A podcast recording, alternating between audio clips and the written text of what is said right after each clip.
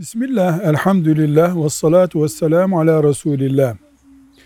Kur'an-ı Kerim'de ayetleri okurken eğer müminseniz, mümin iseniz şeklinde ayetler geliyor. Yani sonu bu şekilde bitiyor. Eğer mümin iseniz bu ne anlama geliyor? Kur'an-ı Kerim'de bu ayet bir ayet eğer müminseniz diye bitiyorsa ya da öyle başlıyorsa bu iki anlama geliyor. Birincisi ayetin konusu kalp amelleriyle ilgili ise Allah'a güvenmek, ahirete iman etmek ve benzeri kalple ilgili bir konuysa imanın batını bölümüyle ilgili ise imanınız gider dikkat edin anlamına geliyor.